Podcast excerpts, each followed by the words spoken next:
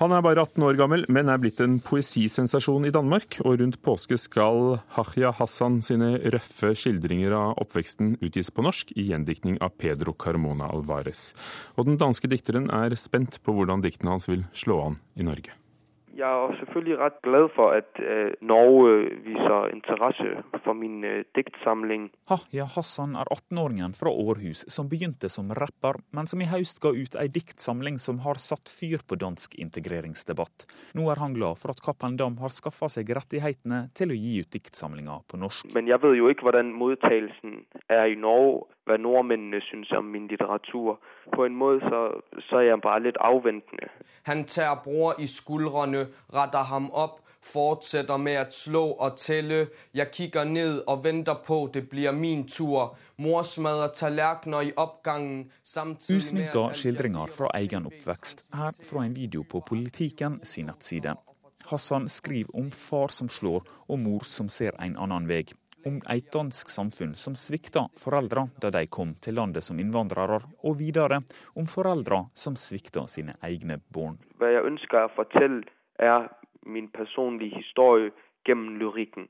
Når man har en lyrisk ambisjon, eller man føler at det er lyrikk som man har inni seg, at det er poesi, så er det ikke, det er ikke historien som kommer inn i poesien det er mer omvendt at det er poesien der kommer inn i historien. Han forteller sin egen historie i dikta sine, om vold, kriminalitet og livet med barnevernet. Hva jeg ønsker å fortelle, er de ting som jeg har tenkt, som jeg har oplevet, og som jeg kan hva skal man si, formgi gjennom poesien. I den danske samfunnsdebatten blir de røffe skildringene av mislykka integrering nå brukt av de som ønsker en strammere innvandrings- og integreringspolitikk. Den debatten ønsker han sjøl å holde en viss avstand til. Altså, Jeg har ikke skapt debatt, det har samfunnet gjort. Jeg, jeg har skrevet dikte. Han vil ta ansvar for det han har skrevet, men ikke for hvordan det blir brukt i integreringsdebatten. Jeg er ikke noen debattør, jeg, jeg er dikter. Og hvem der gidder lytte til det, det, kan jeg ikke, det er jeg ikke herre over. Altså, Jeg står til ansvar for min dikte, men jeg kan ikke stå til ansvar for leserens fortolkning av min dikte sa Hahya Hassan til vår reporter Sondre Bjørdal. Karin Haugen, redaktør av Bokmagasinet i Klassekampen. Hvordan vil du beskrive Hahya Hassan som dikter?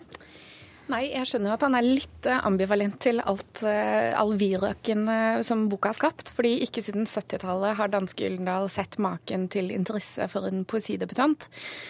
Den gangen var det På 70-tallet så var det Vita Andersen med feministisk bekjennelsespoesi. Nå ser vi en, den unge Hassan som går rett inn i den, vår tids debatter. Da. Og han har blitt omfavna av høyresida, som mener han tar et sviende oppgjør med integreringspolitikken. Og han har blitt omfavna av venstresida, som sier at uh, han motbeviser jo høyresida fordi han snakker om klasse hele tida, og ikke etnisitet. Så alle vil ha en bit av Hassan. Hva er hans historie? Hvordan fant han frem til eh, diktning?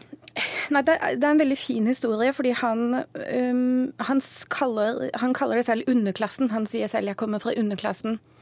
Og at som, um, som 13-åring ble han kriminell og uh, har ført et hardt liv. Og så var det en lærer som uh, så at han hadde et uh, spesielt talent og som begynte å pushe seriøs litteratur på han, og introdusere han for litt krevende saker og dansk eh, litteraturhistorie. Og sånn ble han skapt som poet, da, og er nå tatt opp på den veldig prestisjefylte forfatterskolen i København. Du har skrevet om ham i, i bokmagasinet i Klassekampen. Hvordan vil du beskrive den betydningen han og diktene hans har fått i Danmark?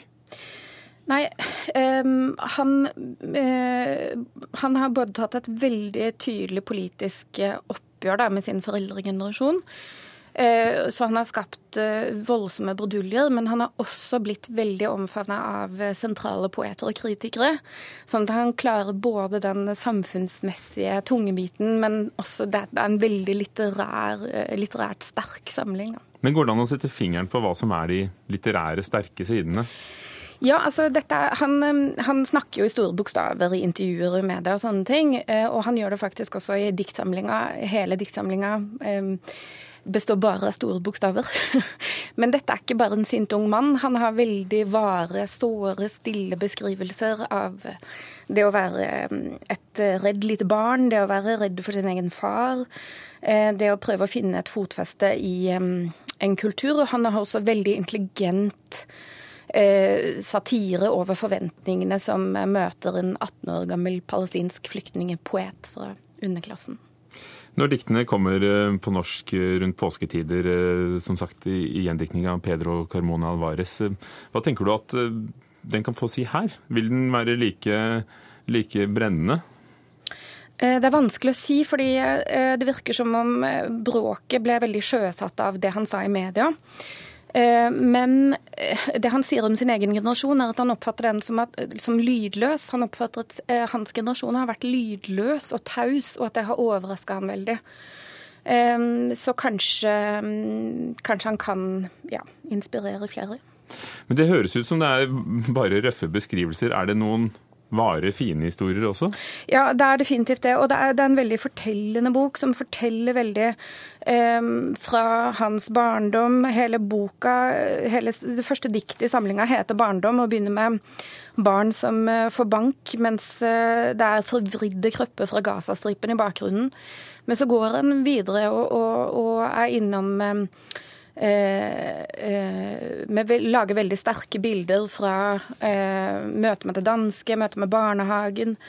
Um, og det er en fortelling om hvordan det har vært å være han, da, som er både politisk, men også veldig litterært gripende. Og Han er altså danske Hache Hassan, 18 år gamle. Takk for at du snakket om ham, Karin Haugen, redaktør av bokmagasinet Klassekampen. Og så får vi se da, når de kommer på norsk.